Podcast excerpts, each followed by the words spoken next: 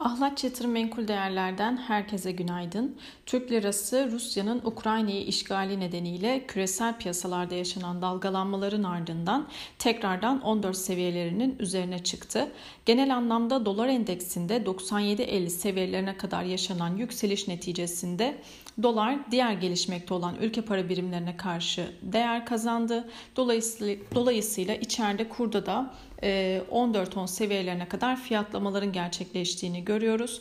E, yukarıda özellikle takip edilmesi gereken noktalar 14-14 ve 14-21 direnç noktaları. Aşağıda ise 14 ve 13-85 önemli destek konumunda.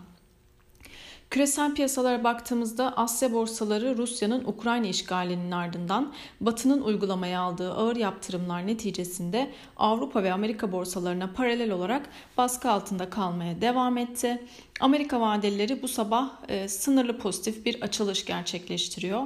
Diğer yandan emtia fiyatlarına baktığımızda özellikle Brent petrol fiyatlarının e, yükseliş eğiliminde olduğunu görüyoruz.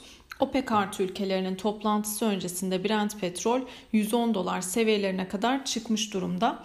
Toplantıdan çıkacak kararlar bu noktada önemli olacak. Brent petrolde hali hazırda süre gelen toparlanmayla beraber e, küresel arzın küresel talebin altında kalması endişeleri son yaşanan jeopolitik risk unsurlarının da etkisiyle daha da şiddetlendi. Aynı zamanda Ulusal Enerji Ajansı'nın küresel enerji güvenliğinin tehdit altında olduğunu açıklamaları da Brent petrol fiyatlarını yukarı yönlü etkiledi. Ons altın tarafına baktığımızda yine jeopolitik gerginliğin devam etmesiyle birlikte alıcılı seyrin hakim olduğunu söylüyoruz e, ve 1937 dolar seviyelerinden işleme e, işlemde olduğunu söyleyebiliriz. Yurt içi gelişmelere baktığımızda Borsa İstanbul dün günü %1,22 değer artışıyla 1969 puan seviyesinden tamamladı.